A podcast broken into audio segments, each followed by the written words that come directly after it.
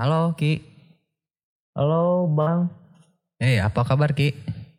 Alhamdulillah baik. Abang gimana kabarnya Bang? Alhamdulillah sehat juga. Oke Ki, jadi kita hari ini mau ngobrol-ngobrol soal pengalaman Kiki yang katanya pernah ini ya. Dulu kan kita pernah ngobrol tuh sebelumnya.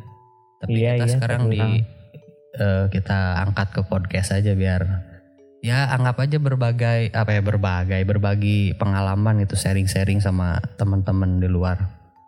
Nah, Jadi ya. katanya dulu Kiki pernah ini ya, pernah mati suri ya. iya Bang pernah mati suri selama dua hari. Mati surinya dua hari gitu ya. Iya dua hari. Oke, jadi kejadiannya itu kayak gimana sih awalnya? Bisa diceritain nggak?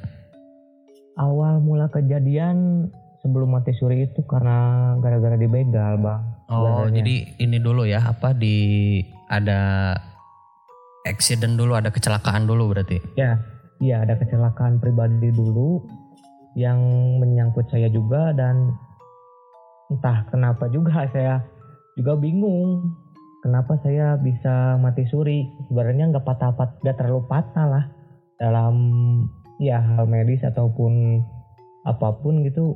Cuman yang kena tangan sama kepala doang, cuman sedikit. Masih dianggap wajar gitu ya jadinya. Iya, masih Oh. dianggap wajar sama pihak kedokteran. Oke, terus lanjut gimana? Ya se- eh, sebelum saya mati suri kan kejadiannya ada kemalingan motor tuh warga. Heeh. Warga ada kemalingan motor. Nah saya kebetulan lagi diem di rumah teman. Oh, lagi Lagi nongkrong gitu ya, lagi main-main Ya gitu. lagi, ya lagi nongkrong Hmm. tahun dua- 2016 mau naik ke 2017 kalau gak salah. Kurang lebih empat tahun yang lalu berarti. Ya, waktu saya masih sekolah juga, sekolah di S, di SMK TET gitulah, SMK. di sensor, Oke, oke, di Di- sensor. di sensor. Nah, saya kebetulan ikut ikut mengejar yang kemalingan motor itu, kemalingan motor kan saya ngejar ikut karena saya nggak terpisah dengan teman-teman, saya tuh muter ke Simpang Dago sampai ke Terminal Dago. Terminal Dago saya dikejar oleh tiga motor. Itu yang bentar yang ngejar itu begalnya atau siapa? Nah itu beda lagi, itu Oh, termasuk ya bisa disebut gangster lah. oh geng Soal- motor itu ya. Ya geng motor, geng motor tertentu. Mm-mm. Saya dikejar di Terminal Dago sampai di Setamplat, Tamplat Kejawai. Kalau saya kena di situ saya nggak tahu harus lari ke mana lagi bang. Itu Saya susah, bentar, Kak. Kiki dikejar itu karena ada masalah atau emang dia yang mau ngebegal atau gimana? Dia yang mau ngebegal. Oh, Wah, jadi saya- bentar. Kiki tuh ngejar begal tapi akhirnya kena begal gitu kan ceritanya jadi Nah gitu, konyol kan, konyol ngejar, kan ngejar begal malah dibegal gitu ya. Nah gitu, Oke, konyol kan. Kalau oke. kalau misalkan dipikirkan pakai logika, Ah, bener-bener. Seru-seru juga. Oke, lanjut. Nah, saya kalau di kena di stamplat, nggak ada akses untuk saya lari ataupun saya ke mana karena jalannya sepi dan juga nggak ada orang-orang yang lewat. Soalnya itu udah hampir masuk jam setengah satu lah, setengah satu subuh.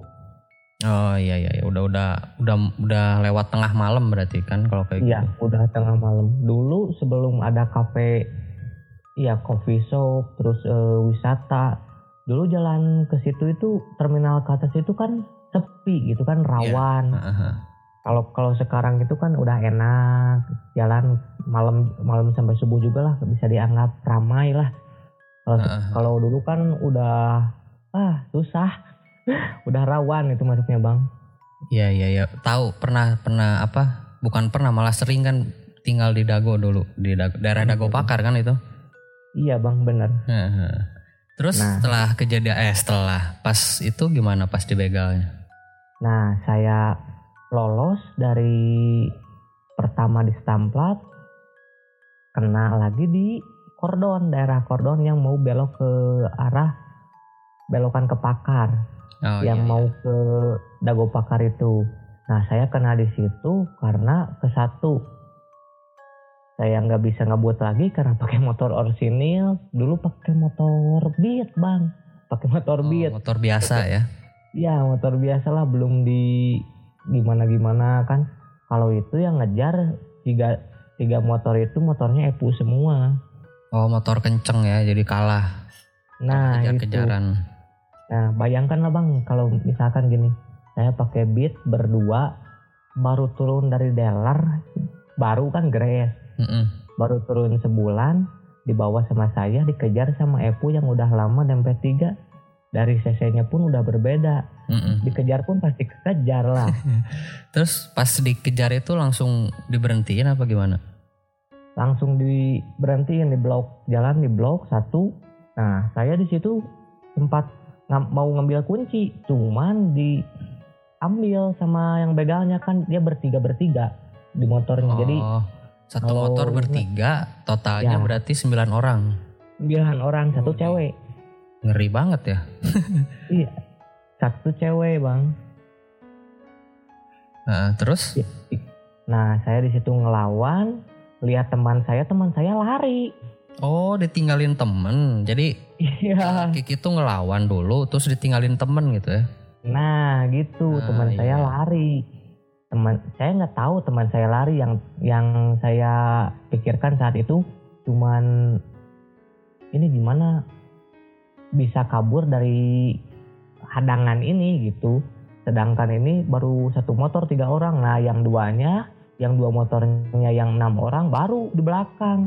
Nyusul saya ya. fight dulu lah ya saya fight dulu sama yang tiga orang ya namanya juga saya anak kecil ya nggak tahu apa-apa dulu bang cuma cuma Iya. ngendalin emosi nggak pegang apa-apa cuma pakai tangan sedangkan begalnya kan udah pegang senjata lah apalah siap apalah siap mati lah kalau dibicarakan mah kalau di definisikan gitu udah rencana Hmm. perang kali ya begalnya itu. Nah, itu. Saya ngelawan, saya terkapar. Udah di situ saya terkapar sama tiga orang itu. Udah nggak bisa apa-apa, nggak bisa ngelawan lagi. Oh, oh apa eh, si begal itu gimana? Akhirnya dapat motor atau kabur deh? Belum bang. Jadi yang dua motor datang Mm-mm. mau ngambil mo- mau ngambil motor, saya nggak nggak mau lah sampai motor itu diambil sama orang karena motor itu juga punya orang. Ah, Nah, ah. Jadi gini bang, motor yang saya pakai itu motor teman saya yang lari. oh, dia malah malah lari ya, padahal itu motornya Iya. gitu. Ah. Dia lari tuh Nah, nyari gitu, Bang. bantuan atau memang lari karena takut? Nah, kurang tahu. Eh, soalnya saya nggak nggak nanyain perihal hal itu karena ah yang penting saya bisa diobati, teman saya juga selamat gitu bang. Prinsip Hmm. saya. Terus setelah itu Nah. akhirnya eh, eh, jatuh terkapar terus dibawa ke rumah sakit atau gimana? Atau di situ Belum. dulu gitu? Nah, saya di situ waktu motor mau diambil, mau diambil lari sama yang dua motor yang baru datang itu. Mm-mm. Nah, saya berdiri lagi. Salahnya saya di situ. Oh, Saya berdiri lagi. Saya ngelawan lagi, ngelawan, ngelawan. Sampai yang satu ngeluarin bukan samurai sih, ya bisa dibilang golok lah. senjata tajam lah intinya ya. Ya sajam, la- langsung mukul saya. Ya tiga kali bacokan di tangan, sampai tangan saya hampir putus.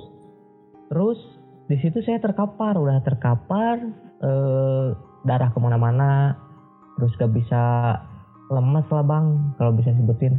Nah Hmm. motor saya udah dibelokin, saya berdiri lagi, saya ambil itu yang di- yang diboncengnya, saya Oh. ambil, jatuh, yang diboncengnya jatuh, turun semua lagi.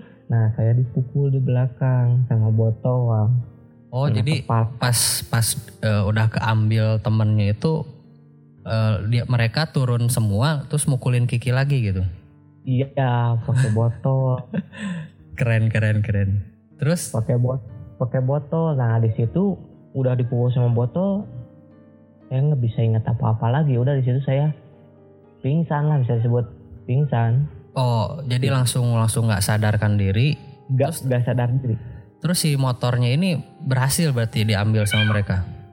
Berhasil. Oh, berhasil oke. diambil udah kalau nggak salah jarak 10 menit saya sadar lagi nah di situ saya mulai jalan lah dari tempat kejadian itu jalan pulang jalan, pulang ke jalan. rumah gitu. iya mau pulang niatnya mau pu- niatnya mau pulang Man, itu kan emang nggak kerasa apa ada yang luka atau gimana gitu? Kerasa bang cuma kan nggak dirasa karena saya ingin pulang karena dulu masih sekolah takut lah takut Ah, sama iya, iya. orang tua takut dimarahin gimana kenapa Mm, mm, mm. kenapa pas pulang gini kan pulang Ya. kayak gitu saya, saya takut saya coba lah jalan sendiri sampai mau ke rumah nah tengah tengah jalan penglihatan rabun bang jadi Oh emang bisa samar-samar ngeliat ya? suka nah samar-samar saya paksain nah udah di situ saya udah gak inget Oh saya jadi di mana. Kiki apa eh, pingsan di jalan gitu? iya pingsan di jalan saya nggak tahu di saya di mana saya ah bingung ditambah takut sama orang tua dimarahin Aha. gitu Terus pas pas itu yang nemuin siapa bisa tiba-tiba bawa ke rumah sakit? Kalau kata orang sih orang situ juga yang nemuin saya lagi langsung dianterin kat dompet Oh ada ini ya ada kartu pelajar mungkin atau KTP atau udah punya. KTP? udah udah punya KTP Ah. itu baru jadi Baru 17 Baru tahun berarti ya? Iya baru 17 Nah, tahun Sweet Seventeen yang sangat menyedihkan berarti. Nah itu pengalaman yang sangat buruk Ya, Oke, terus pas di rumah sakit gimana tuh kondisinya? Nah, waktu di rumah sakit saya mulai diinfus, saya sadar, tersadar di situ lihat tangan yang kiri udah masuk infus tiga Hmm. di, di kaki satu, di kaki itu masuk apa ya? Iya samalah infusan. Yang tangan yang tangan kanan itu udah dimasukin es kalau nggak salah. Soalnya dingin. Oh di Masukin es ini mungkinnya apa di bi- biar nggak sakit mungkin. Ya mungkin. Datanglah dokter sama suster terus diambil lah eh, tulang-tulang jari saya. Oh Kan tiga. remuk apa lepas? Lepas semua. Jadi kan tiga. Ini di Hmm. tangan ada tiga. Hmm. Satu, dua, tiga. Nanti saya foto lah. Tiga bacokan. Diambil lah tulang-tulang tangan saya. Jari. Diambil tiga jarinya. Ngilu.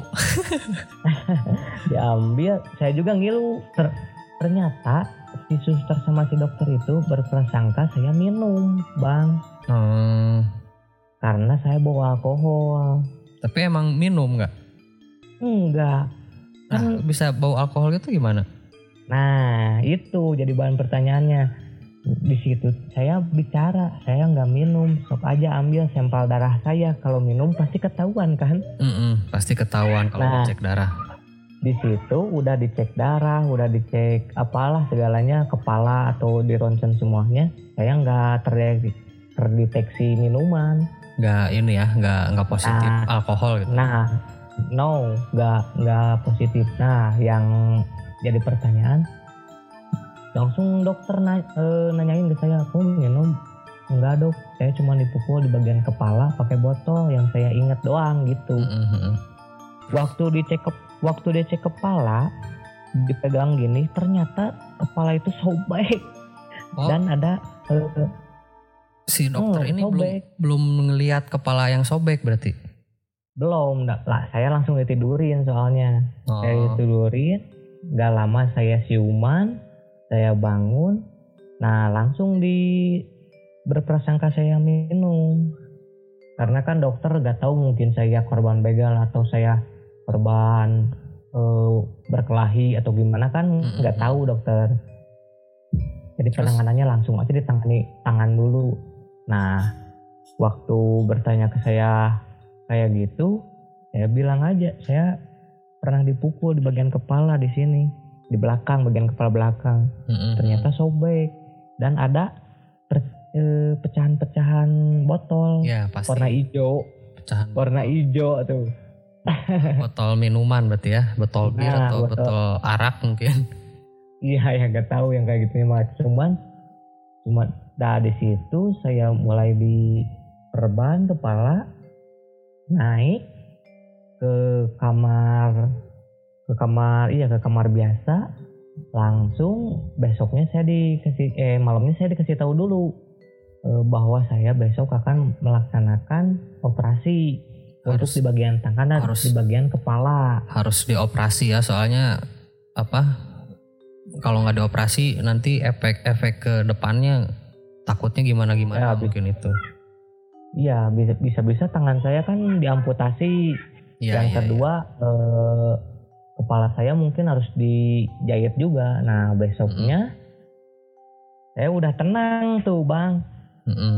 udah udah tenang. Wah saya udah sadar nih, cuman tangan doang yang nggak bisa gerak, tangan kanan. karena Wah, ya shit. mungkin urat-uratnya putus mungkin ya Nah iya itu yang susahnya itu karena karena eh, urat-uratnya ya ya yang putus bukan karena tulangnya tulang kan bisa diganti sama pen atau apa pun kan nah kalau ini kan eh, masalahnya di tangan itu kan banyak urat jadi surat eh urat yang harus dibenerin bener-bener. Meskipun nggak apa resikonya nggak normal 100% mungkin ya. Nah itu ya benar. Waktu saya eh, pagi-pagi nggak dikasih sarapan saya kan puasa dulu kan mau operasi. Iya operasi Puasa. harus puasa. Jam 1 atau jam 2 siang saya mulai masuk ke meja operasi. Nah, di situ saya juga sebenarnya pengen lihat gimana cara operasi tangan saya gitu. Cuman karena karena biusnya terlalu tinggi dosisnya, jadi saya nggak kuat. Nah, saya di situ udah nggak sadarkan diri. Nah, di situ saya kayak mimpi, Bang.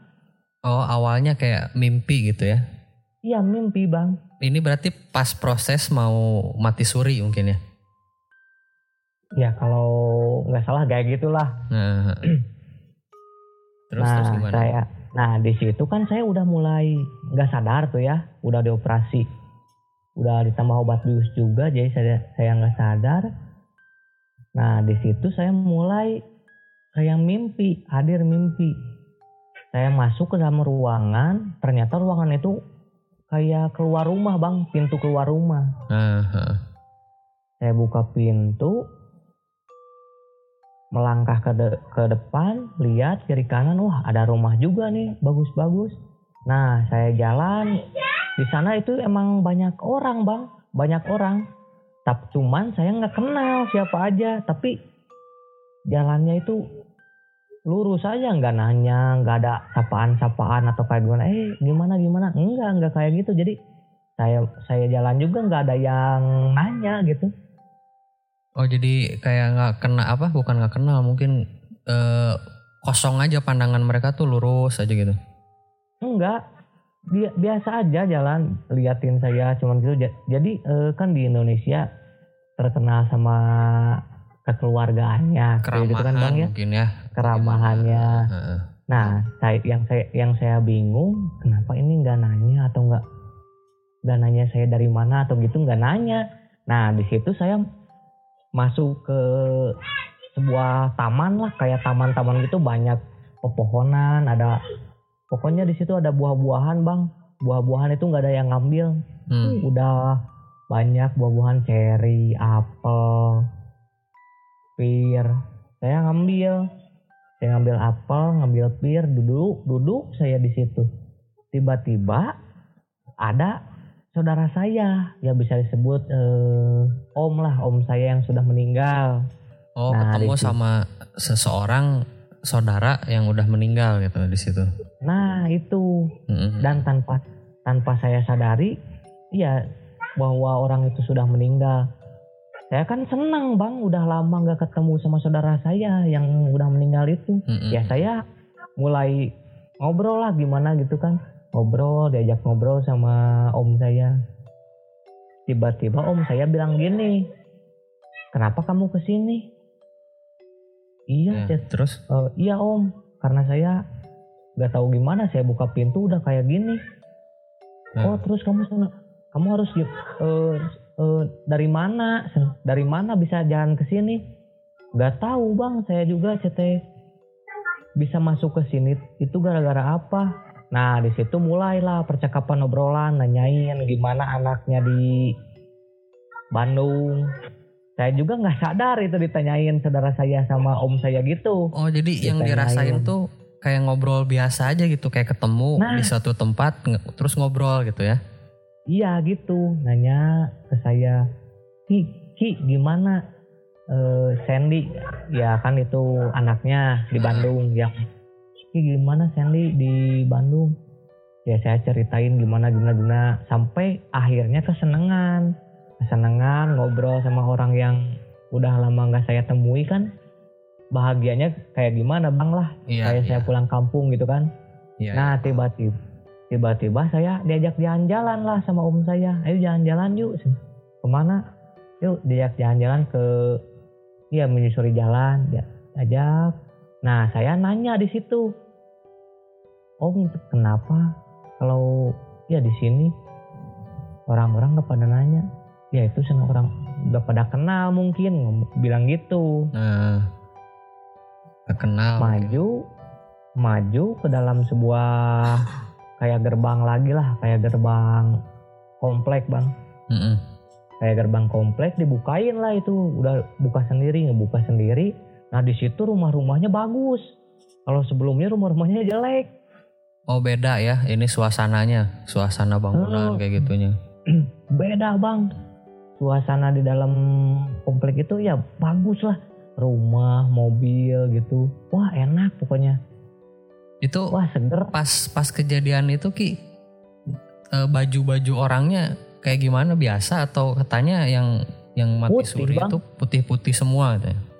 Iya putih bang. Oh, terus terus gimana tuh? Nah, saya nanya lah ke om saya, om, kenapa sebelum masuk ke sini yang sebelumnya rumahnya pada jelek, sedangkan rumah yang di sini rumahnya bagus-bagus. Nah, diceritain lah sama om saya. Hmm. Nah, itu rumah-rumah orang yang di dunianya saya juga nggak sadar ya bilang gini om saya itu yang di dunianya orang-orang yang kalau bahasa Sundanya munjung oh bang. yang ini mungkin Jadi, ya munjung tuh kayak pengabdi pengabdi setan apa gimana ya bisa disebut nah itulah ya kayak gitu nah bisa disebut gitu yang uh, di dunianya suka main tuyul terus babi ngepet lah terus buta ijo lah kayak kayak gitu. Yang intinya nah, yang nyari kekayaannya lewat cara yang salah gitu ya? Nah gitu bang. okay, okay. nah di, di situ saya nanya lagi kenapa om di sini rumahnya bagus-bagus mobilnya juga bagus-bagus? Nah di tak di langsung disambut lah. Ini orang-orang yang baik di dunianya yang baik, yang suka ngasih ke pekir miskin, yang suka ya, ya pokoknya mah yang baik-baik di sini ditempatinnya kalau yang di sana itu udah ke kalau di mah di backlist lah gitu iya, bang. Iya iya. Jadi intinya gini, yang rumahnya jelek-jelek itu yang banyak dosa mungkin ya atau apa ya disebutnya ya yang tadi kayak Kiki bicarain terus kalau yang bagus-bagus itu orang yang sering beramal soleh mungkinnya di pas masa hidupnya. Nah gitu. Terus terus gak lama dari itu, gak lama dari itu, saya ketemu tuh sama nenek saya sama kakek saya bang. Di situ yang juga tempatnya. Meninggal. Di situ, iya di situ pas masuk komplek. Terus Ayah, itu Kiki ngobrol. sempat oh. nanya diri sendiri nggak kok bisa ketemu sama yang udah pada meninggal atau gimana gitu? Di Nah, di situ saya nggak berpikiran gitu. Yang yang ada saya seneng bang, oh, karena saya kenal, uh. kenal lagi ngobrol lagi sama nenek saya, kakek saya, terus om saya yang udah meninggal. Rasanya itu wah bahagia bisa kenal lagi, ngobrol bareng, bercengkrama lagi. Iya, nah iya, iya. di situ saya ngobrol lah sama kakek nenek saya di sebuah tempat duduk. Ngobrol nanya kakek dan nenek saya juga Kiki kenapa bisa datang ke sini? Yang nggak tahu dah waktu buka pintu rumah udah kayak gini. Adanya ya Kiki jalan aja lihat eh, situasi. Ya udah jalan ikutin yang jalan juga kan lurus ikutin. Ternyata ketemu sama om sama om ketemu sama om diajak ngobrol terus dibawa ke sini nah gitu udah ngobrol gitu sama kakek nenek udah dibicarain semuanya lalu ada satu orang yang gak saya kenal sama sekali di dunia maupun ya selama saya hidup gak pernah ketemu Ya nggak kenal ya intinya nggak nggak pernah nggak pernah ketemu sekalipun sebelumnya. Gak pernah, gak pernah. Ada bapak-bapak, ya bisa disebut lah kakek-kakek umur 60 lebih. Mm-mm. Ada jakun, kumis, eh, rambutnya oh, pakai kopiah sih, pakai kopiah, pakai sarung, sarung putih, kopiah putih, baju koko putih, eh, jakun sama kumisnya gue udah putih. Nanya ke saya, saya dimarahin di situ. Nah gimana tuh marahin? dimarahin kamu kenapa bisa ke sini kalau bahasa Indonesia nya kan saya mah dibilangin bahasa Sunda soalnya oh bahasa Sunda namanya bisa kadieu gitu oh di, dimarahinnya pas di situ mah pakai bahasa Sunda gitu ya? Ah. pas di saya mah dia kalau di Indonesia mah kenapa kamu bisa di sini gitu Mm-mm. langsung saya Terus? bilang aja "Eh, gak tahu saya juga udah buka pintu rumah langsung masuk ke sini digituin tah. Di situ dimarah di iya dimarahin dibilang kamu pesan ini bukan tempat kamu. Ini tem- bukan tempat kamu kamu masih bisa memperbaiki diri. Tah di situ saya mulai sadar bang. Oh. Mulai, Waktu mulai orang ngeh gitu ya? ah mulai mulai "Eh lah. Oh iya ya. Sa- saya di sini gitu. Ke tempat saya mah bukan di sini kita di situ waktu saya diajak lagi sama om saya udah jangan di sini ayo aja berangkat lagi. Berangkat lagi saya jalan lagi jalan jalan jalan. Mau ada gerbang bang. Ada gerbang dibukain naik ke tangga. Oh setelah setelah gerbang itu ada tangga gitu? Iya ada tangga. Saya naik tangga terus pintu ke satu saya buka.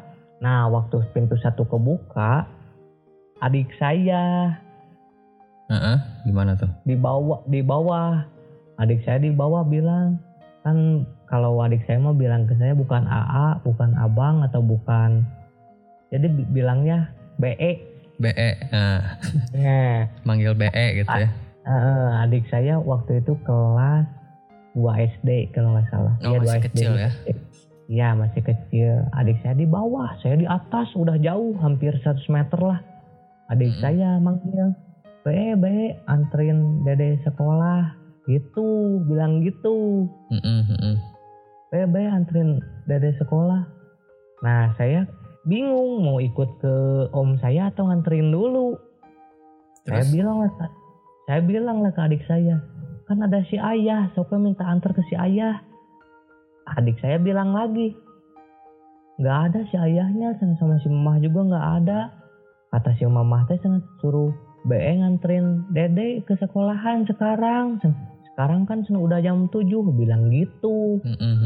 Nah saya teh pamit dulu ke om saya, om saya nganterin adik dulu, ngadik nganterin adik dulu saya ya, biar nggak eh, nggak ada halangan lagi kalau misalkan ikut sama om. Oh iya sok anterin aja. Waktu saya turun dari tangga saya jatuh Oh itu pas karena waktu saya buru-buru mau nganterin adikin saya. mau bilang nganterin adik tuh nggak nggak dihalangin halangin ya sama omnya nggak Enggak, nggak di- enggak. nggak bolehin misalkan langsung aja boleh gitu Iya sok aja sana anterin dulu biar nanti ke sini sana aman gitu bilang gitu. Hmm, Waktu saya turun kan terburu-buru bang. hmm, hmm, hmm. terburu-buru saya jatuh ke bawah. tiba-tiba jatuh atau memang karena terburu-buru kepleset atau gimana tuh Kepleset bang. oh jadi memang kerasa kepleset gitu ya Iya, terasa kepleset. oke oke terus Jatuh. Nah, udah jatuh itu saya sadar.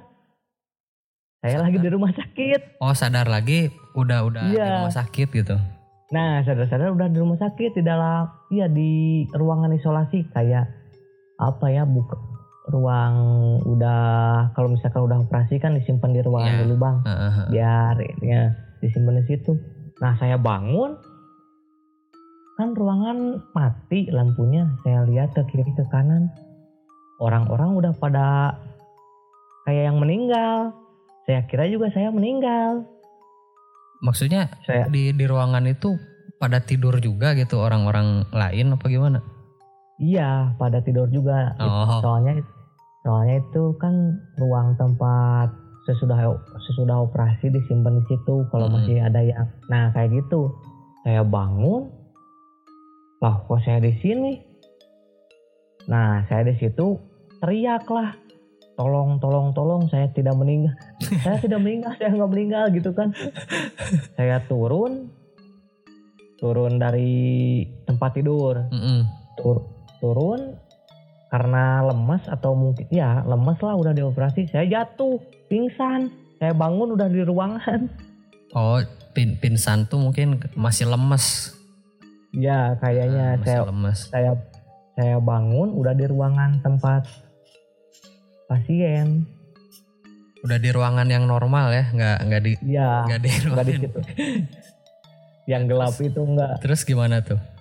nah di situ saya bangun ter- ternyata inkubator juga udah nyala Hmm. Nah di situ, nah di situ saudara-saudara saya udah, oh, udah nangis. Nah, cete, iya kalau bahasa Jawa, nah keluarga orang cara rikieu gitu kan. Kalau udah pada nangis gitu ya? Nah gitu, kenapa pada nangis? Nah ternyata diomongin, di, iya diceritain gimana. Ternyata saya itu udah mati dua hari sebelum saya siuman itu. Oh, Katanya jadi- kalau Selama yang apa mimpi itu tuh padahal di dunia itu dua hari ya lamanya gitu. Iya dua hari padahal saya Hmm. cuman ah beberapa jam bang nggak nggak nggak hampir 24 jam lah hampir tiga jam tiga jam ngobrol jalan kerasa ada waktu juga Pokoknya apa eh, pas mati suri itu kan mimpi. Nah di mimpi itu tuh nggak lama ya intinya. Nggak iya nggak lama ngerasanya nggak lama. Ternyata pas di dunia nyata itu dua jam. pasti dua dua Eh, dua jam. Sorry dua dua hari. hari nah gitu Oke oke. Terus saya gimana? bangun saya ba saya bangun dokter berhamburan ada kalau nggak salah 6, 6, 6 dokter lah sama suster datang terus eh, nanya eh, ya biasalah kayak gitu pasien diobatin gimana ditanya-tanya gitu saya kan nggak- belum siuman bener kan Iya. diam saya diam diam tidurlah saya pingsan lagi di situ Pingsan karena apa? Karena lemes atau di pusing Oh pusing. Iya itu karena karena pusing kepala mungkinnya pernah kena benturan. Ya pusing terus sore sorenya kalau jam 3 soalnya saya kan ngedengar azan. Hmm, hmm, Ngedengar azan saya bangun walaupun itu di rumah sakit Kristen tapi saya ngedengar azan soalnya di HP saya ada ringtone azan. Dulu Oh, HP saya eh, masih ada Asia Hidayah dulu. Esya Hidayah. ya dua HP BB sama Asia, Asia Hidayah ada ringtone itu. Kalau azan kan suka berkumandang kan di HP itu. Ah, ah, ah, ah. Terus gitu gimana? saya saya saya bangun udah bangun nggak ditanya nggak di apa saya diam aja. Datang dokter dua orang. Dua orang terus ngecek eh, impusan saya terus tangan saya kepala saya. Nah ditanya nama kamu siapa? Ya saya juga nanya kan eh balik balik gitu. Nama saya Rizky Arianto emang kenapa? Oh sana udah kan udah udah udah bener udah udah siuman bener gitu kan. Udah sadar gitu ya. Eh, udah sad- udah sadar gitu kan udah SNI kalau misalkan dalam dalam bengkel mah. Nah gitu udah ditanya gitu. Saya mulai bercengkrama sama keluarga saya. Ngobrol ngobrol. Ternyata saya itu udah mat udah eh, mati suri dua hari tanpa saya sadari. Jadi tanpa- em, selama mati suri itu mereka nganggapnya mati suri atau memang udah udah mati? udah udah meninggal Oh karena nggak nggak ini ya nggak ada Iya. itu kan dicek detak jantung Iya. gitu kan? eh, nggak ada nggak ada interaksi dalam inkubator tetakan jantung Mm-mm. saya hari hari itu juga saya di dibilang udah meninggal dan pihak kedokteran juga udah menyarankan keluarga ya pihak keluarga untuk mencabut semua infusan dan alat-alat yang lain di tubuh saya. Cuman ibu saya bermimpi. Mm-mm. jika saya masuk ke dalam mimpi ibu saya bilang kalau saya itu saya sekedar bermain. Jangan dulu diam jangan dulu dicabut semuanya. Oh jadi, jadi kalau Mm-mm. kalau bahasa Sundanya mah gini bang. Saya bilang ke ibu saya bang eh bang lagi ya. Mah jangan dulu dicabut semuanya. Kiki mau main dulu ke nggak tahu ke mana bilang gitu jangan dulu dicabut pokoknya. Kiki mau main dulu nanti juga Kiki balik lagi. Nah bilang gitu. Oh, soalnya itu- ke si, ke si mama tuh ada ada Kiki masuk ke mimpinya gitu ngasih tahu ya. Ya. Eh, bahkan bukan cuma ibu saya bang. Mm-mm. keluarga saya keluarga saya juga bermimpi seperti itu Oh jadi karena hal itu keluarga Kiki mempertahankan sama dokter buat jangan dulu gitu, jangan dulu dicabut. Nah, itu karena ibu saya kan, mama saya ya eh, bilang konsultasi ke keluarga, ini gimana mau digimanain kan ibu saya pasti pusing lah saya masuk rumah sakit gimana, apalagi udah meninggal, ya. nanya lah sama saya ke keluarga saya, ini gimana bagusnya? Kata bibi saya yang pertama bilang kayak gitu, kalau bibi saya nggak bilang kayak gitu mah, oh mungkin saya udah meninggal sekarang bang. Karena dicabut infus itu ya. Eh, bibi saya bilang jangan dulu soalnya bibi eh, abi sana bahasa Sunda ya ini bahasa Iya. Sundanya dulu abi ngimpikan si Kiki bilang gini bilang ngomong kieu nah semuanya bilang nada sarua sarua sarua sarua Oh. nah di situ Iya, jadi intinya pas begitu Kiki mimpi sendiri itu ternyata ada Kiki yang lain masuk ke mimpi keluarga Kiki gitu kan. nah itu Ya, bang ya, ya. Ngasih tanda. bicara ke situ ngasih ya kalau misalkan dicabut dicabut waktu itu mungkin saya nggak akan hidup lagi sekarang Mm-mm, mm-mm. cuman keluarga saya bilang gitu ke ibu saya jangan dulu dicabut dulu tunggu aja satu hari atau dua hari nah hari itu teh hari terakhir saya mau dipertahankan bang Pas yang kedua hari itu ya. iya saya itu dibegal teh tanggal 18 Mm-mm. September mau di am, eh, mati suri itu tanggal 19 20 tanggal 21 itu saya siuman keluarga Hmm. saya udah ya keluarga saya udah berkomitmen bahwa kalau tanggal 21 September saya nggak siuman cabutlah. Baru dicabut. Ternyata tanggal 21 itu saya baru siuman. Sadar gitu ya baru baru Oh. ya kembali itu balik lagi ke dunia nyata. Nah itu. Ternyata waktu saya ditanya sama dokter kenapa bisa kayak gini ya saya juga nggak tahu bisa kayak gini. Cuman yang ditanya ternyata kepala belakang ini mengalami retakan atau kalau misalkan didefinisikan mah eh, kalau misalkan langsung hidup kembali bisa gegar otak lah bisa nggak inget siapa-siapa gitu kan oh jadi harus memang harus nggak sadar dulu mungkin ya biar biar normal mungkin ya Iya kan ini tengkorak kepala kan diambil juga sedikit. Ya ya ya ya terus setelah setelah itu ceritanya Kiki pulang ke rumah gitu Ya ceritanya mah pulang ke rumah, di rumah.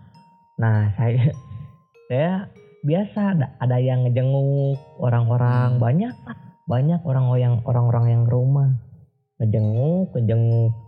Nah saya nggak sadar waktu malam-malam saya kan baru pulang dari RS kan pengen ngerokok lah seenggaknya gitu kan. Ah, ah, ah. melepaskan pelampiasan gitu kan cek ya. Nah cek ngerokok waktu saya di luar tangan masih diperban tuh kepala masih diperban. Saya ngelihat tuh ada kaki besar. Oh jadi setelah Kiki pulang di rumah tuh mendapat sesuatu hal yang luar biasa ya setelah kejadian mati suri itu ya. Bukan luar biasa bang, tapi itu keburukan Keburukan. kalau bisa disebutkan.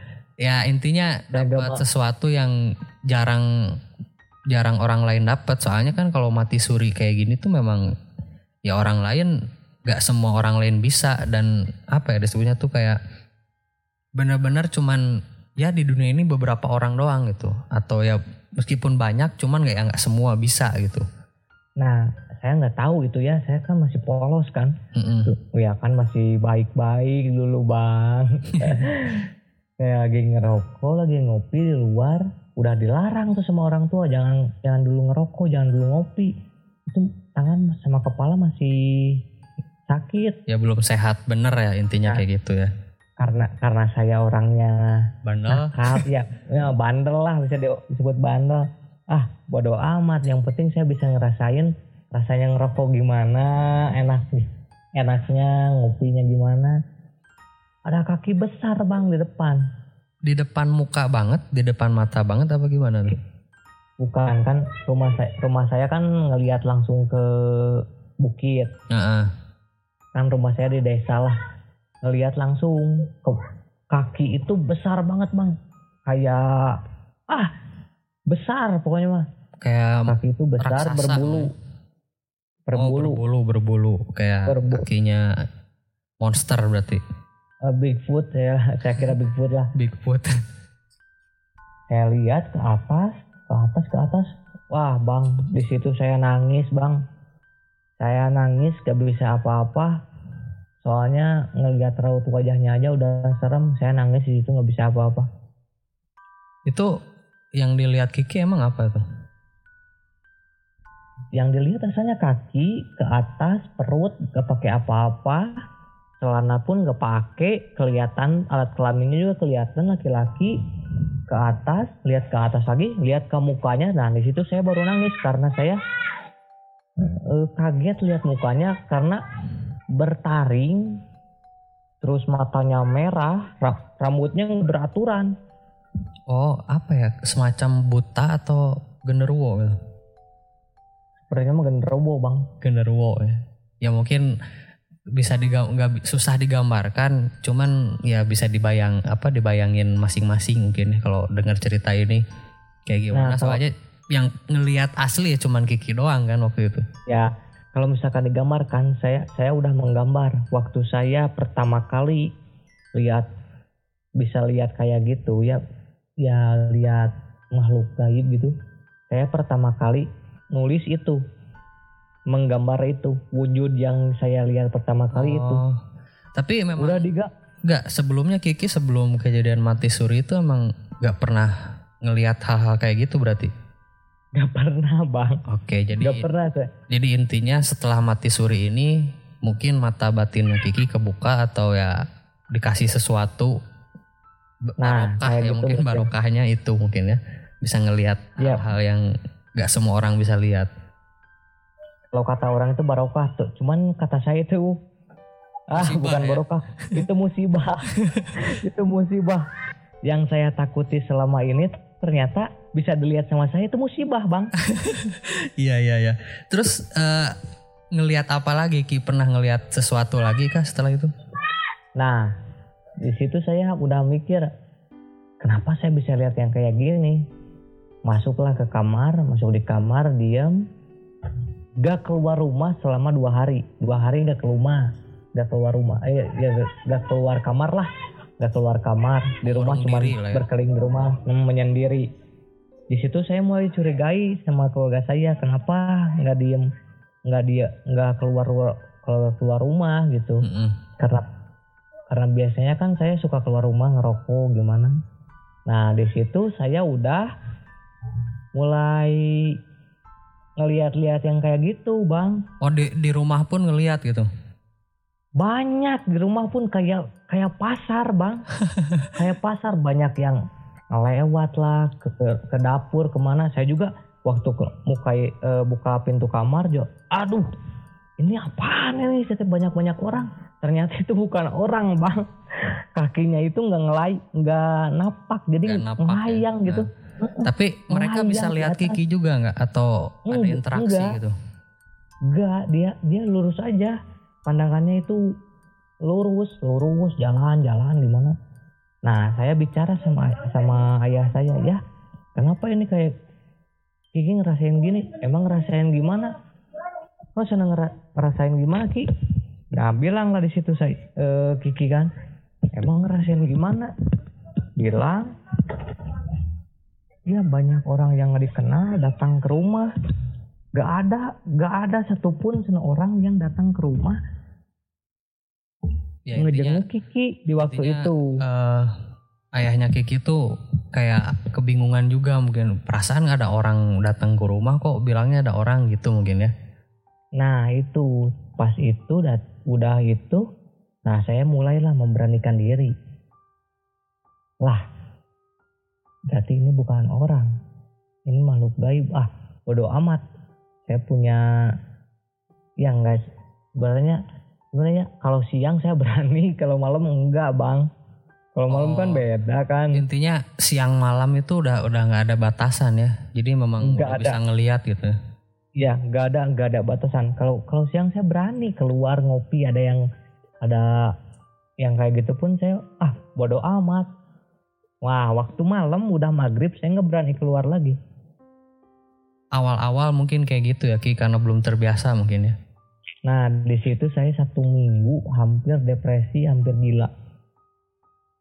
Saking stresnya stres karena ya Digang- kayak harus diganggu, Bang. adaptasi gitu. Oh diganggu, Iya. sempet diganggu juga. Diga- diganggu bang, diganggu sekarang saya lagi tidur. Kalau bahasa inilah dibelai lah, dibelai lah. Dielus-elus gitu ya. dia elus-elus ya ah hampir hampir gila bahkan ibu saya pun saya marahi sama ayah saya Gara-gara gara-gara saya depresi oh saking stresnya jadi Kiki marah-marah gitu lah ya. marah-marah barang-barang di rumah rusak rusak semua mulai dari TV eh, lemari terus eh, mikrofon gitar semuanya habis sama saya di Itu Kiki Hancurin. sadar nggak ngelakuin itu atau memang nggak sadar? sadar bang saya sadar saya sadar ngelakuin itu ngerusak itu saya saya ngambil gitar aja itu teh buat mukul orang-orang yang gak kelihatan sama orang lain gitu bukan orang lah makhluk makhluk makhluk gaib yang gak kelihatan sama orang lain sama saya dipukul Oh in- intinya Kiki tuh ngelempar atau mukul-mukulin barang tuh tadinya mau mau nyerang mereka gitu karena ngeganggu Iya. mungkin ya. mau menyerang mereka cuman pandangan orang lain kan beda Iya kayak orang gila mungkin ya kayak orang Iya. stres gimana. Ke satu saya baru keluar dari rumah sakit. Kedua saya kan tangan nggak bisa gerak. Mm-mm. yang ke- yang ketiga kepala udah kena. Yang keempat ya mungkin pikiran orang oh sana ini mah udah sana gila sana keluar dari rumah sakit. Nah gitu pikiran karena mati orang. suri, karena mati suri juga Mm-mm. mungkin ya pikiran orang. nah itu. Terus itu udah mati. Kiki gimana ininya? Apa eh, bisa beradaptasi sama hal-hal yang ya anggaplah baru itu di kehidupan Kiki gitu. nah saya di diketemuin sama kakek saya yang di Ciamis Oh dibawa ke kakek yang di Ciamis gitu. enggak kakek yang ke sini bang Oh, heeh, heeh. kakek yang ke sini. Nah, nah di situlah saya mulai ngobrol sama kakek, belajar agama, keagamaan, belajar sholat yang lima waktu nggak ditinggalin, belajar terus, belajar sampai sekarang bahwa yang saya lihat itu bukan hal perlu ditakuti, tapi perlu dihadapi Hmm, iya iya. seperti itu. Jangan jangan takut sama hal-hal yang kayak gitu. Takut itu hanya sama Allah kata kakek saya. Nah setelah satu minggu itu kakek saya meninggal. Oh seminggu setelah ketemu sama Kiki terus ngajarin sesuatu ngajarin semuanya kakeknya meninggal gitu. Iya kakek saya meninggal. Hmm. Udah gitu saya nggak tahu lagi harus kayak gimana kan. Nah di situlah saya berpikir bahwa saya pikiran saya ah buat apa takut yang kayak gitu Akhirnya Ada memberanikan diri gitu ya. iya memberanikan diri aja Beradaptasi ya ya ya benar Oh. emang harus kayak gitu sih. Karena nggak kebuka pun kalau kita percaya dan sadar memang hal-hal seperti itu memang ada di sekitar kita gitu kan di mana pun itu. pasti Berarti Bahwa itu sampai sekarang Giki masih masih bisa ngelihat yang kayak gitu berarti ya? Alhamdulillah masih bisa ngelihat yang kayak gitu cuman sekarang nggak terlalu ditanggepin lah kalau lihat yang kayak gitu udah aja lihat aja nggak perlu diliatin terus. Kalau diliatin terus mereka malah malah kesenangan. Oh, mereka itu kesenangan kalau misalkan dilihat kita oh si Eta bisa nih dalam bahasa Sunda ya. Iya. oh si Eta bisa ningali. Biasanya kurang datangan. Nah kayak gitu. Jadi kalau bahasa Indonesia oh orang itu bisa lihat kita. Oh kita datengin aja ah. Malah kita lihat aja. balik ya malah nah nggak ganggu gitu. nah gitu bahkan waktu saya berpergian ke suatu tempat atau ke suatu kafe kayak gitu suka lihat ada di jalan ya misalkan korban kecelakaan ada yang raut wajahnya kebelah sebet sedik setengah gitu kan Hmm. ada Itu kalau di rumah Ki Kalau- masih bisa lihat ada di rumah gitu. ya di rumah ada cuman ya selama tidak mengganggu ya Biarin aja gitu ya. ah bodoh amat gitu kalau mengganggu ya baru Tapi selama selama Kiki bisa ngeliat sama ya anggaplah mata batin kebuka ya mata mata Iya. yang bisa menembus ruang dan waktu anjar. Terus eh, Kiki nggak pernah berinteraksi sama mereka atau nggak pernah ngobrol atau punya teman bahkan gitu. sering Oh Sering sering ada interaksi ya sering. Bahkan kayak kalau nyapa atau memang ngobrol biasa gitu. ya kalau misalkan kalau mau berbicara sama orang bukan orang ya itu mah makhluk lah. Ber- berbicara sama makhluk yang seperti itu harus kita yang mendahului bukan mereka yang mendahului. Oh jadi mereka tuh kalau nggak ditanya ya diam aja gitu ya. diam cuman meliatin wujud aja nggak nggak ngeliat nggak ngobrol nggak apa cuman ngeliatin wujud aja. Nah kalau ngeliatin wujud itu itu tuh pengen ditanya gimana kisah hidupnya di alam dunia kan? Di dunia ini gimana? Kenapa bisa meninggal seperti itu? Kenapa masih bergentayangan? Nah seperti itu bang pengen ditanya dia itu. Jadi yang dilihat Kiki itu bukan cuman jin berarti ya. Jadi kayak orang-orang yang masih penasaran pun Kiki sering lihat berarti ya. Masih nah ya, itu misalkan ada orang kecelakaan terus dia gentayangan anggapnya terus eh, dia jadi hantu, anggapnya hantu mungkin ya atau gimana ya? Ya. Gak ngerti juga sih. ya, ya jin lah Disebut. jadi jin mungkin. Oh mereka tuh sering nampakin diri juga ya yang kayak gitu tuh.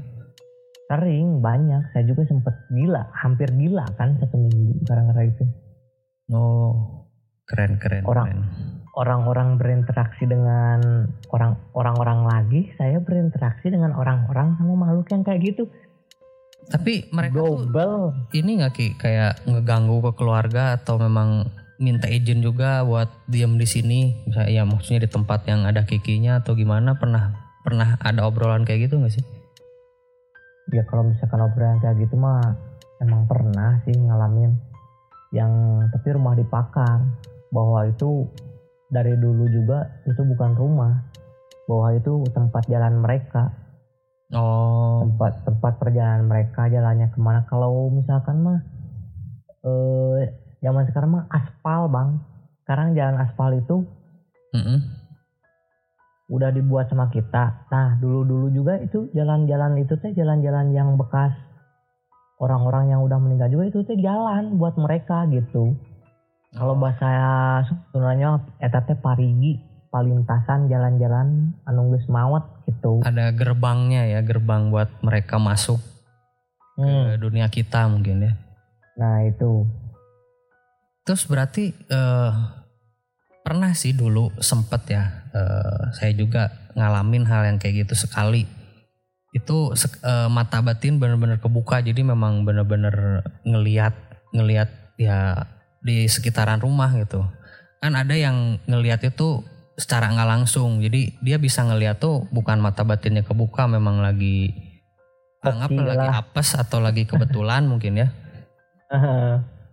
Karena ya setelah dulu kan pernah eh, sempat diceritain juga di podcast se- sebelumnya. Jadi sempat ketempelan pocong dan setelah itu memang sering ngalamin hal-hal mistis tapi nggak nggak maksudnya mata batin kebuka karena kalau mata batin kebuka kan setiap saat setiap waktu bisa ngelihat yang kayak gitu kan Bisa ngelihat. Iya. Heeh.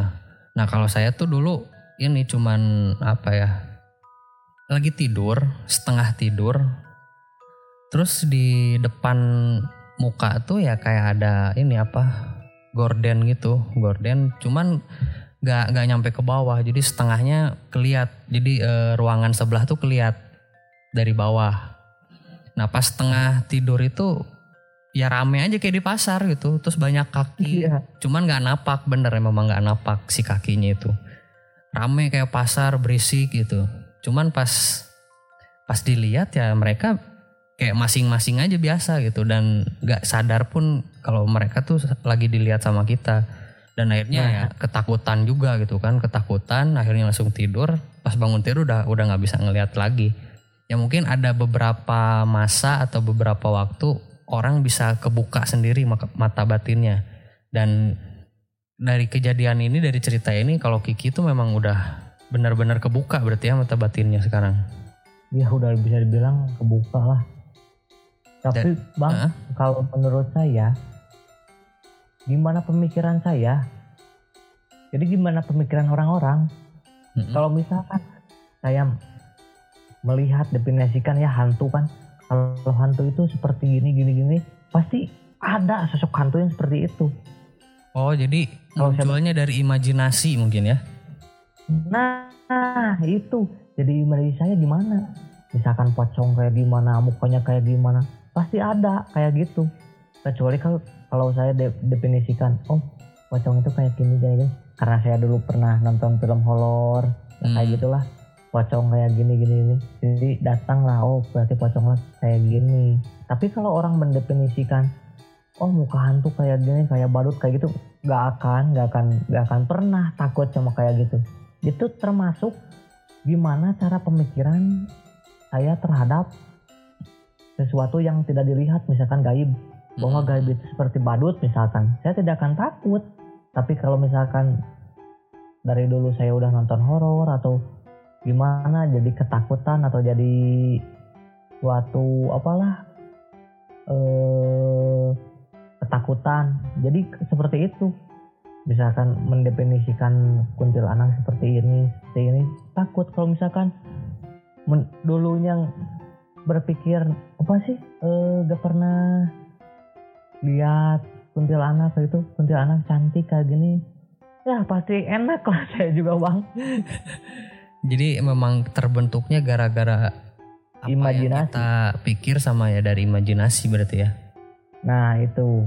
Dari pikiran pikiran lah pikiran seseorang. Kalau misalkan seseorang udah mikirkan hal-hal yang buruk seperti itu pasti bakal kejadian hal yang seperti itu. Berarti kalau Seperti kita contoh. mikirnya eh, misal hantu itu cantik, apa yang kita lihat itu bakal cantik atau memang ya udah nggak takut gitu? ya cantik lah cantik cuman gak napak Jadinya memang kelihatan jadi cantik gitu ya kalau di Hmm. imajinasi kitanya cantik. Ya kalau mungkin misalkan tapi gini jelek. kalau hal-hal yang kayak gitu ya sebenarnya bisa dilakukannya sama beberapa orang aja karena rata-rata orang yang ngelihat yang kayak gitu udah keburuan takut, keburu takut gitu kan, keburu Nah, berpikirnya, wih pasti serem nih kalau ngelihat ini kayak gitu biasanya sih. Nah pasti pasti saya saya juga pernah lah. Ya mungkin abang juga tahu lah saya gimana kan. Mm-mm, mm-mm. Ya intinya berarti gini ya, eh hantu itu gak bisa disebut serem juga karena balik Nah. lagi karena apa ya? Ini cerita Pikiran- atau pikiran. pengalaman dari pribadi yang pernah ngalamin. Intinya kita bisa membentuk hantu itu seperti apa melalui pikiran gitu kan? Iya itu. Nah iya iya paham Ya paham. po- pokoknya mah intinya dari semua permasalahan ini ja- jangan takut lah sama hantu. karena hantu itu bukan hantu lah ya makhluk gaib lah makhluk gaib itu sebenarnya nggak mengganggu Iya. cuman kita harus memperbaiki amal ibadah kita kalau Iya, kita iya, iya. misalkan benar. mendemi- mendefinisikan hantu itu oh cantik. Otomatis dalam pikiran kita kalau melihat hantu oh cantik ah bodo amat. Lewat aja dari hantu itu cantik. Meskipun gak napak meskipun itu tahu kita bukan orang itu hantu tapi kita ah bodo amat. Meskipun Jalan ya biar- memang apa sesuatu itu harus beradaptasinya lumayan juga ya Kia. Bi- Biar bisa Wah. kayak gitu tuh. Harus benar-benar adaptasi dulu kan awalnya dari beradaptasi karena ya kita melihat sesuatu yang nggak bisa orang lain lihat secara umum secara normal. Jadi harus adaptasi. Setelah adaptasi baru kita bisa ngatur pola pikir kita gitu kan Nah, ngatur imajinasi.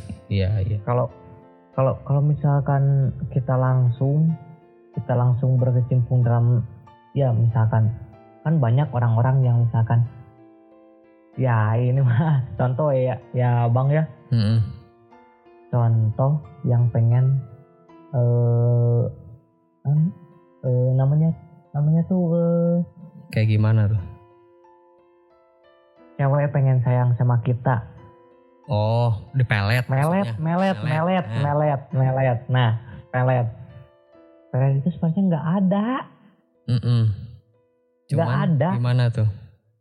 Menurut Cuman- apa pandangan Kiki berarti kan kalau soal Nah, ini. Ya, ini menurut pandangan saya. Jadi, model eh, sebuah batu, batu ali. Tahu Ya, kan, Bang? betul akik. Nah, batu akik. Batu akik itu emang batu ya kan? Mm-mm. Batu. Nah, gimana pemikiran saya? Misalkan saya ya punya batu akik. Saya punya batu akik. Nah, saya berpikir, oh iya batu akik. Ini batu akik berfungsi buat memikat cewek. Nah, Mm-mm. saya berpikir terus gitu, berpikir.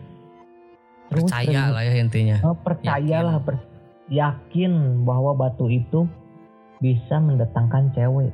Nah, datanglah yang kayak gitu, seperti itu. Sebenarnya barang-barang yang tidak berharga pun bisa dijadikan contoh untuk kayak gitu. Jadi balik lagi se- sesuatu itu harus apa keluarnya dari kepercayaan diri mungkin dari Nah, keyakinan. itu. Dari keyakinan datanglah. Eh ya yang kayak gitu orbs. Yang kayak gitulah datang masuk.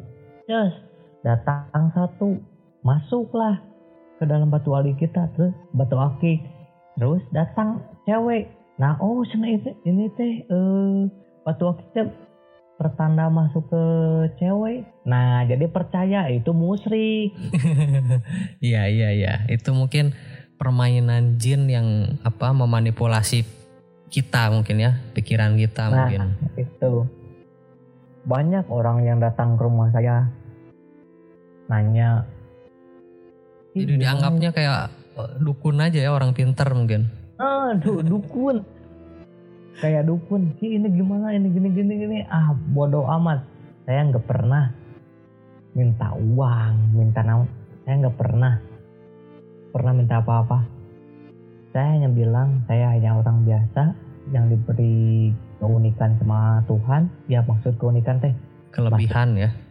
nah ke- bukan kelebihan. Jadi masuknya Apa? yang orang lain yang orang lain gak punya saya punya jangan dikasih tahu sama siapa-siapa karena saya pribadi yang merasakan dan merasakan gitu Hmm, ya ya ya. Jadi intinya kalau Kiki meskipun mengetahui sesuatu terus bisa bisa ngelakuin sesuatu, cuman Kiki nggak tertarik sama hal-hal seperti itu. Mungkin pengen ya udah normal aja gitu kan.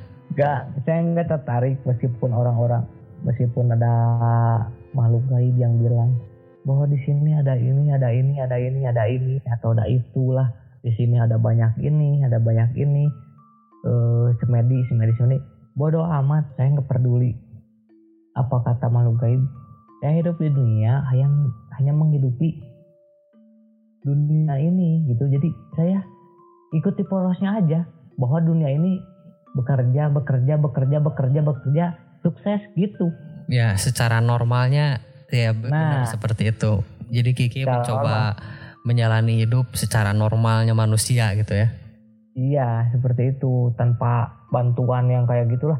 Ah bodoh amat saya mah jadi bang nggak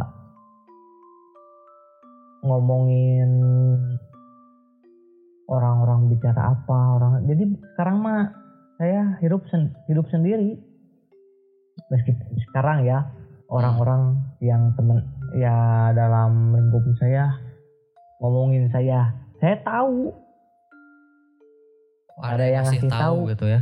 iya ada yang ngasih tahu. Ih, jelema jelema ieu ngomongin ngomongin maneh gitu misalkan ada bahasa Sunda Iya. ini orang orang ini ngomongin kamu ah bodoh amat yang terpenting mah sekarang hidup bahagia bisa ngebagian orang tua anak istri udah itu aja prioritas saya Iya benar-benar emang harus perlu gitu. neko-neko lagi Kadang gini, eh, mungkin yang ngasih tahu Kiki itu makhluk makhluk gaib mungkin ya. iya Nah, mungkin kalau kita berpikir di dua sisi ini ya, yang sisi satu sisi yang baik dan sisi yang buruk misalkan. Kita ngambil dari sisi buruknya dulu. Sisi buruknya dia ngasih tahu itu buat ngadu domba kita, bisa aja. nah Meskipun- itu benar Meskipun benar. ah, ya kita nggak tahu lah itu orang itu benar ngomongin atau enggaknya. iya Yang yang jelas di sisi buruknya ini eh ya si makhluk ini berusaha mengadu domba gitu. Tapi kalau kita berpandangan di sisi yang bagusnya, di sisi yang kedua positifnya kita tahu orang lain kayak gimana sama kita melalui makhluk ini. nah Terus itu tinggal balik lagi ke kitanya karena ini kita berpikirnya positif ya udahlah biarin. Mungkin lebih Nah, ke itu. apa ya? Lebih ke introspeksi diri, lebih memperbaiki Nah. diri ya udah berarti saya masih ada salah, saya masih punya kekurangan lain-lain ya harus diperbaiki Betul. gitu kan. betul betul Jadi betul memang hal ini bisa dibagi apa ya? Bisa dibagi dua perspektif. Yang satu jelek, yang satu bagus kayak gitu sih. Nah gitu.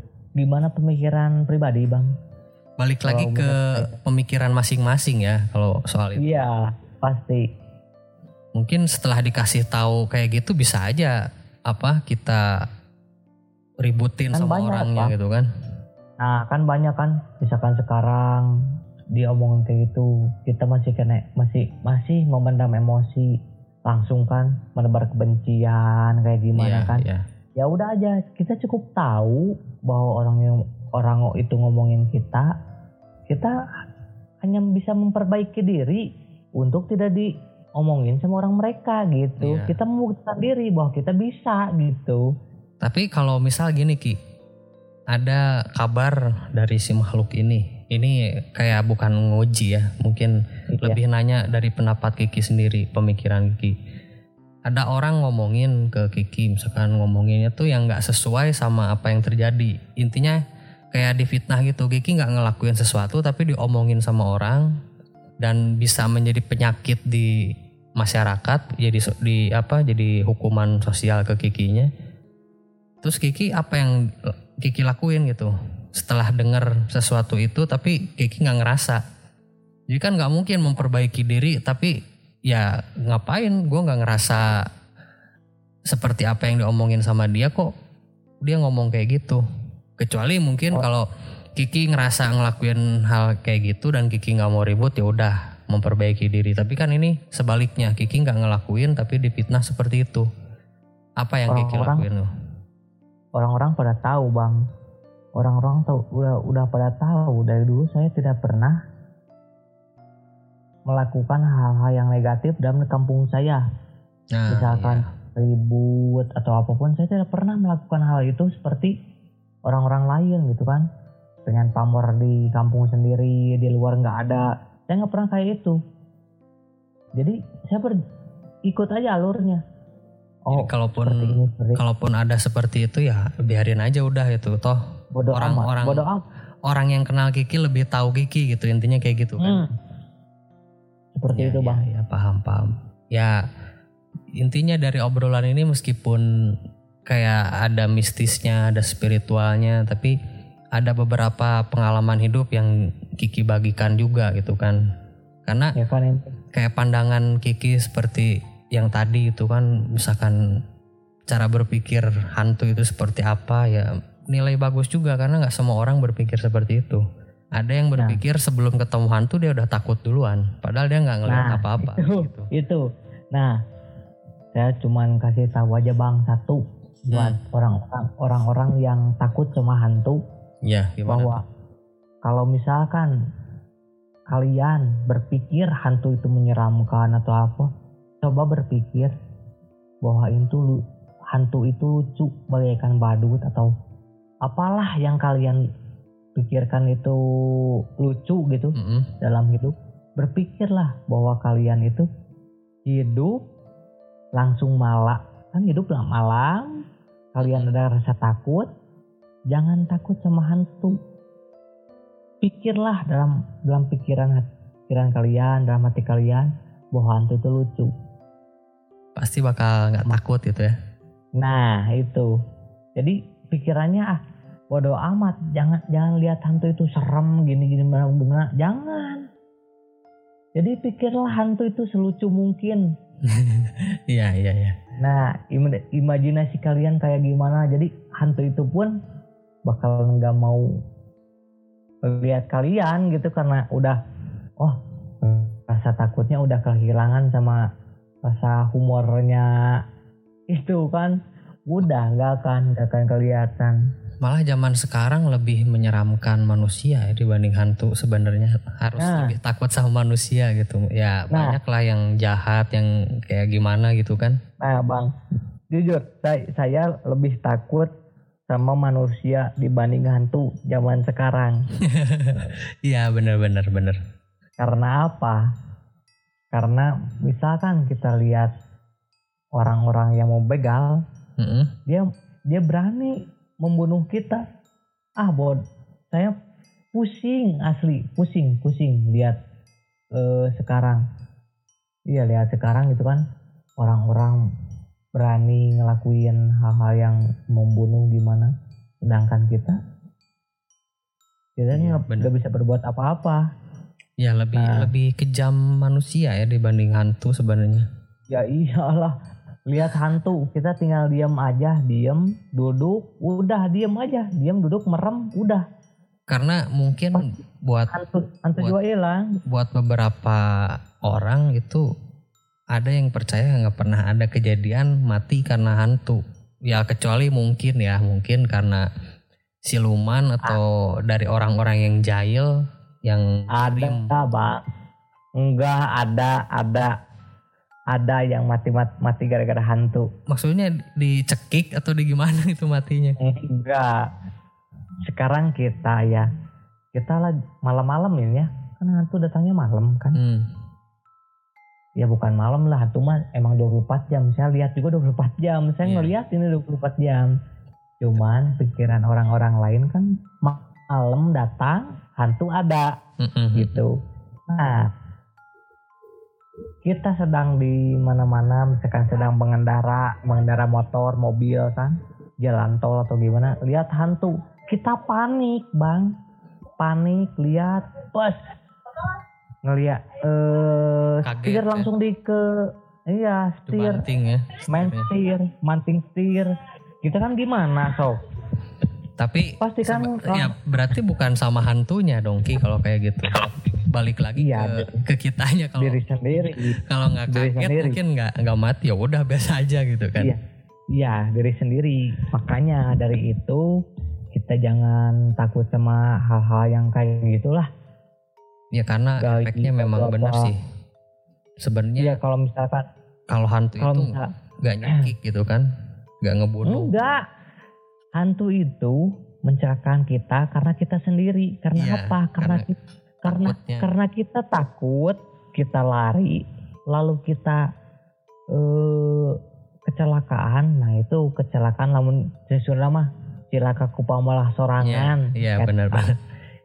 C- Celaka gara-gara diri eh, perbuatan sendiri. sendiri gitu kan. Nah itu karena rasa takut. Bodoh amat mau lihat yang kayak gitu gimana? Ah bodoh amat. Iya kan Pokoknya kayak jangan- gini Ki, ada kisah ya dulu bukan kisah cerita. Jadi cerita nyata ada orang pengen kaya. Dia datang ke hutan. Katanya di tengah hutan itu ada tempat buat ya pesugihan lah intinya. Pesugihan. Heeh. Iya, iya. Dia datang malam-malam ya dia perginya sore. Sore ya Mm-mm. nyampe hutan malam mungkin. Di tengah perjalanan dia tuh ini ngelihat sosok yang menyeramkan gitu. Terus dia lari, pas lari jatuh ketusuk sama Mati. ranting pohon. Mati Iya dah. mati. ya itu menurut cerita dari temennya. Sebenarnya kalau diambil dari cerita itu kan kayak gini ya. Coba kalau dia nggak pengen kaya Lari. cara kayak gitu terus nggak ke hutan, nggak ketemu sama makhluk kayak gitu, nggak lari mungkin nggak mati ya. Meskipun Hmm, kan kalau itu dis- meskipun memang disebutnya mati itu adalah sebuah takdir, cuman kan mungkin kalau matinya seperti itu takdirnya ya bisa dirubah mungkin ya. Takdirnya bukan Iya. takdir permanen mungkin. Beda soalnya kalau waktunya udah mati sama menjemput kematian sendiri. Beda kan kayak gitu. pastilah. Oke oke. Banyak banget ini eh, pengalaman ilmu yang didapat dari obrolan ini. Makasih banget Ki. Duh maaf udah ganggu waktunya nih. Wah, nggak apa-apa bang. Ini cuma curhatan dari dari pribadi. Iya, biar iya, emang lebih, lebih ketahuan, ngobrol gini terus dibagiin sama orang-orang gitu kan. biar ketahuan sama orang bahwa perbuatan ya hidup lah seperti ini gitu. Kalau misalkan kita mendefinisikan hal seperti itu pasti kejadian. Jadi berpikirnya positif gitu. Ya intinya apa pun itu harus ya positif aja gitu, harus bagus Nah, gitu kan. positif, positif.